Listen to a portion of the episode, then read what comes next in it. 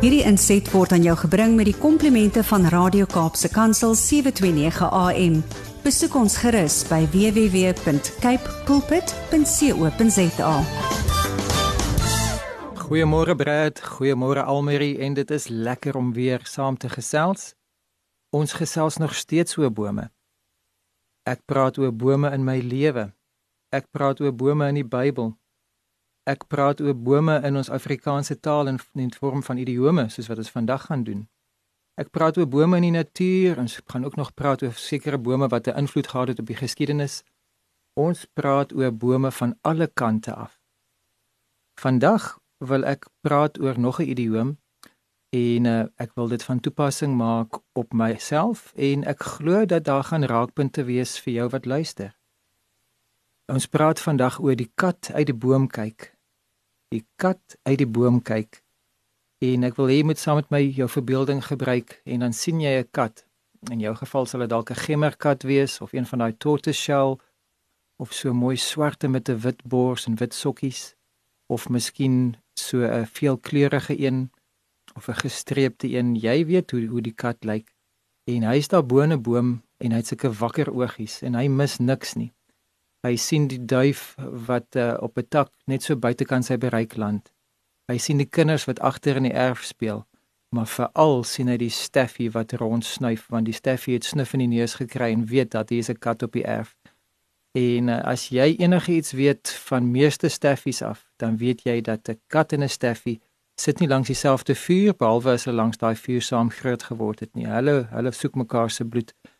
En hierdie kat is bewus van die Steffie daar op die erf en sy nekhare rys en hy kyk rond en hy mis niks nie. Daai kat is besig om alles dop te hou daarbo in die in die in die boom. Nou dit sou 'n 'n letterlike toepassing wees van die feit dat die idioom beteken ek wil eers 'n bietjie my feite agter mekaar kry. Ek wil eers 'n bietjie agtergrondinligting kry. Ek wil eers net so 'n bietjie sit en en en observe. Ek wil net eers I want to uh do due diligence. Ek wil bietjie navorsing doen. Ek wil nie sommer net inspring spontaan en impromptu net en dan 'n uh, hals oor kop 'n besluit maak nie. Ek wil tyd vat om te besluit en besin en ek wil eers bietjie mooi die kat uit die boom kyk. Dit mag van toepassing wees op die kleuter wat um, vir die heel eerste keer na die dagskool toe gaan. Die die die dagmoeder lyk vriendelik, die maatjies lyk oulik, maar hy of sy gaan nie sommer die eerste dag noodwendig veral as hy 'n introwert is en miskien die oudste in die huis is, so hy's nie gewoond om so tussen baie van sy portuur elke dag te wees nie. Dan gaan hy dalk die eerste dag net so bietjie daar op die swaai sit en die kat uit die boom uit kyk en dan nie noodwendig saam speel as die ander maatjies aan aan speel of as almal in 'n kring sit om storietyd te luister of as almal by klimraam besig is nie. Hy gaan eenkant homself uh, net eers bietjie probeer vind. En dan moontlik as hy bietjie van 'n ekstrovert is en lekker selfvertroue het en daar's nie skeiingsangs nie, dan gaan hy van môre af begin saam speel en teen die einde van die week dan uh, is dit amper vir hom moeilik om huis toe te gaan aan die einde van die speeldag. Want hy het eers die kat uit die boom gekyk en toe besluit is veilig. 'n uh, 'n belegger wat um, sy sout werd is, wat uh, honderde duisende dollars het wat hy in in infrastruktuur wil belê, gaan nie net op grond van van een uh, WhatsApp of een e-mail sommer sê goed, kom ons let's transfer the funds, kom ons kom ons sit daai geld in hierdie saak in nie. Hy gaan die kat uit die boom uitkyk. Hy gaan onderhoude voer, hy gaan op die op die toneel, op die perseel gaan kyk hoe lyk dinge. Hy gaan praat met ander belanghebbendes en hy gaan praat met ouens wat alreeds belê het en hy gaan eers die kat uit die boom kyk voordat hy sy geld belê. As uh, iemand in die ongelukkige posisie is dat hy 'n pakket ontvang het en nie meer um, by sy uh, vorige werkgewer is nie, dan het hy nou 'n uh, 'n uh, 'n lekker klompie geld, daar is 'n bietjie van 'n kussing en hy het nog jare, hy of sy het nog jare wat hy aktief kan diens wees. Gaan jy dadelik weer werk soek of gaan jy self uh, jou, jouself as 'n vrystukket konsultant bemark? Gaan jy die geld belê, gaan jy op 'n wêreldreis gaan, uh, gaan jy uh, net uh, by die huis sit en en net eers 'n bietjie asem skep. Jy gaan die kat uit die boom kyk voordat jy oor oornag 'n besluit maak. Jy gaan nie sommer net vinnig 'n besluit maak nie.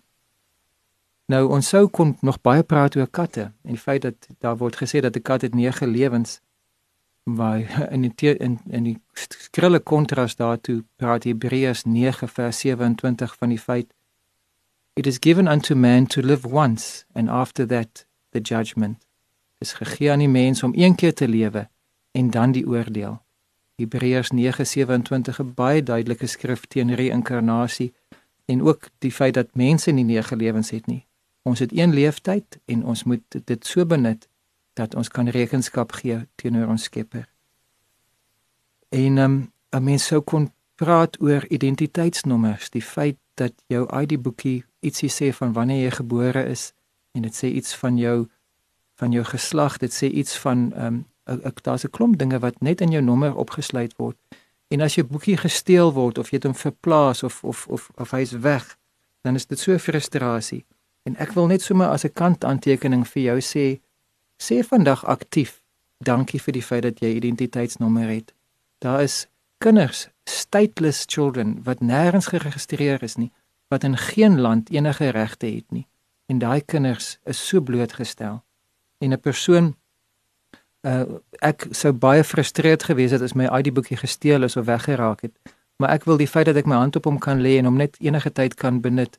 Ek wil dit vandag vier. Ek wil aktief dankie sê vir die feit dat my ID-boekie veilig is en dat ek wel 'n ID het. Maar soos 'n goeie vriend van jare terug sou gesê het, in elk geval, in elk geval Ons gaan nie nou praat oor katte of ID boekies nie. Kom ons praat oor die boom want dis tog waarvoor ons vanoggend bymekaar gekom het. Ehm um, die kat uit die boom uitkyk sou beteken dat ek gebruik my uitkyk, ek gebruik my perspektief, ek gebruik my persepsie, ek gebruik my paradigmas om te bepaal wat ehm um, is hier ter sake. En daar is mense wat baie impromptu is daar's mense wat hals oor kop net doen dit wat in hulle gemoed opkom. En dit is goed en reg want die Here het ons verskillend gemaak. Maar daar is ook diegene en ek tel onder hulle wat um, aan ons ontwerp maar baie versigtig is en wat eers 'n bietjie wil uh die kommentaar op die kommentaar wil hoor. Eers die tweede opinie op die derde opinie wil hoor en eers 'n bietjie die agtergrond van die geskiedenis wil verstaan voordat ons 'n besluit maak. Nou die Here het ons ontwerp en hy het ons persoonlikhede vir ons gegee en hy het vir ons die gawe van vrye wil gegee. Hy forceer homself nie af op ons nie. Wanneer hy ons roep om tot bekering te kom, dan is dit nie onder dwang nie. En party mense kom emosioneel in 'n stortvloed van trane uh, oornag handomkeer tot bekering. En wat 'n wonderlike gawe is dit.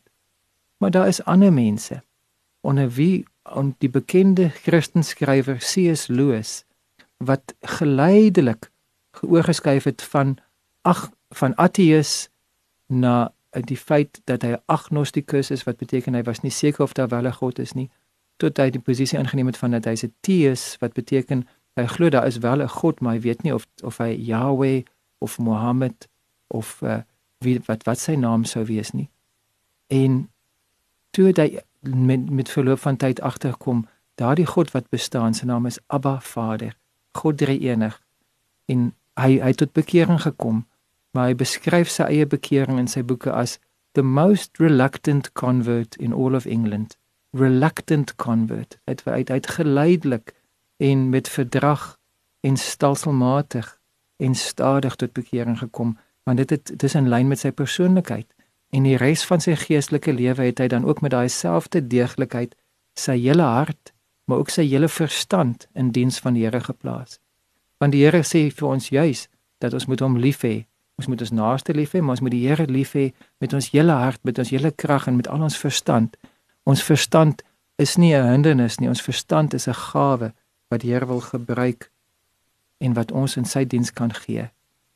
The Lord has given us a mind not so that we can ignore it but so that we can yield it to him om dit oor te gee in sy diens. Ons kan ons verstand gebruik en as jy dan nou een van daai is wat ook reluctant, wat ook stadig en geleidelik is, dan wil ek vandag vir jou sê vier dit. Own it. Wat eienaarskap daarvan. Moenie jouself daaroor uh, veroordeel nie. Maar moet dit net gebruik as 'n verskoning om besluitloos te wees nie. Want soms dan wil ek myself onder die wanindruk plaas van nee, ek is nog besig om te besluit. Maar eintlik al wat ek doen is ek speel maar net vir tyd. Ek sê ek is besig om die kat uit die boom uit te kyk. Ek hou alles fyn dop voor en nadele en konsekwensies en known influences en unknown consequences. Ek wil alles mooi uitkyk. Maar eintlik het daai kat lankal al in die lekker wintersonnetjie aan die slaap geraak op die tak en daai kat spin nie eers meer nie. Hy snoes lekker daar. En hy is nie besig om die kat uit die boom uit te kyk nie. Hy is besig om net te speel vir tyd en hy wil net nie verantwoordelikheid vat nie. Ek wil dan op daai stadium nie die gevolge van my besluit in die oë kyk nie. En besluitloosheid is nie om te loop in due diligence of om te loop in en om regtig 'n goeie perspektief op 'n saak te kry nie. Dit is 'n besluit in sigself. As ek besluit om besluitloos te wees, besluit ek om nie nou op te tree nie en dan is dit 'n besluit en daai besluit het ook gevolge. Maar om dit nog nader te bring aan aan die woord van die Here en nog nader te bring aan my hart. Daar was in die Nuwe Testament 'n man gewees wat ehm um, ook in 'n boom geklim het. Hy was nie 'n kat nie, hy was nie so rad soos 'n kat nie, maar sy gees het in 'n wilde vrye boom op 'n tak gesit en die kat uit die boom uitgekyk. En hy het vir Jesus gesien. En hy het sy eie vooropgestelde idees neergelê en hy het sy eie persepsies en paradigmas op sy geskuif. Want toe Jesus vir hom sê: "Saggeus, kom af. Ek wil vandag met jou feesmaal hou." Toe het hy nie besluitloos daaraan gebly nie. Hy het gereageer op Jesus se stem. Want dit was nie Jesus se oortuigende redenasie, dit was nie 'n stortvloed van feite, dit was nie 'n oortuigende intellektuele argument wat vir sy gees sy hart gewen het nie. Dit was die persoon van Jesus Christus. Een kyk in sy oë, een luister na sy stem, een wete van dat hierdie is regtig Immanuel met ons is God. Hierdie is regtig die vleesgeworde seun van God wat hier vir my nooi na verhouding toe. En vandag as jy so se gees op 'n tak sit en en wonder wat om te doen met die lewende God, dan wil ek vir jou uitnooi om te sê moenie wag vir 'n oortuigende intellektuele argument nie. Moenie wag vir iets wat jou verstand gaan prikkel nie. Maak jouself oop vir die persoon van Jesus Christus dat hy in sy persoonlike hoedanigheid jou vertroue kan wen en dat julle saam 'n verhouding kan begin. Kom ons bid saam. Ons Vader, dankie dat U elkeen van ons gemaak het. En dankie dat U ons verskillend gemaak het. Dankie vir my ekstrovert, spontane vriende wat sommer net op die ingewing van 'n oomblik 'n oorseese reis kan aanpak. Dankie vir vir mense wat sommer net spontaan dinge aanpak en met oorgawe sonder om eers mooi te dink, inspring en pens en potjies iets aanpak. Dankie vir hulle entoesiasme. Ek leer so baie by hulle. Maar dankie Here dat ek ook kan weet dat my uh, versigtigheid, my omsigtigheid, my beredeneerdheid is nie 'n uh, uh, negatief nie. Dit is deel van hoe U my gemaak het. Maar ek wil nie hierdie ontwerp gebruik as 'n verskoning vir ongehoorsaamheid nie. Ek wil nie 'n uitstel tegniek gebruik nie. As u vir my nooi om af te klim, dan wil ek reageer op u stem. Ek sien uit na feesmaal met koning Jesus. Ek sien uit om die persoon van Jesus beter te leer ken en ek wil myself daarvoor oopstel in Jesus naam. Amen. Hierdie inset was aan jou gebring met die komplimente van Radio Kaapse Kansel 729 AM. Besoek ons gerus by www.cape pulpit.co.za.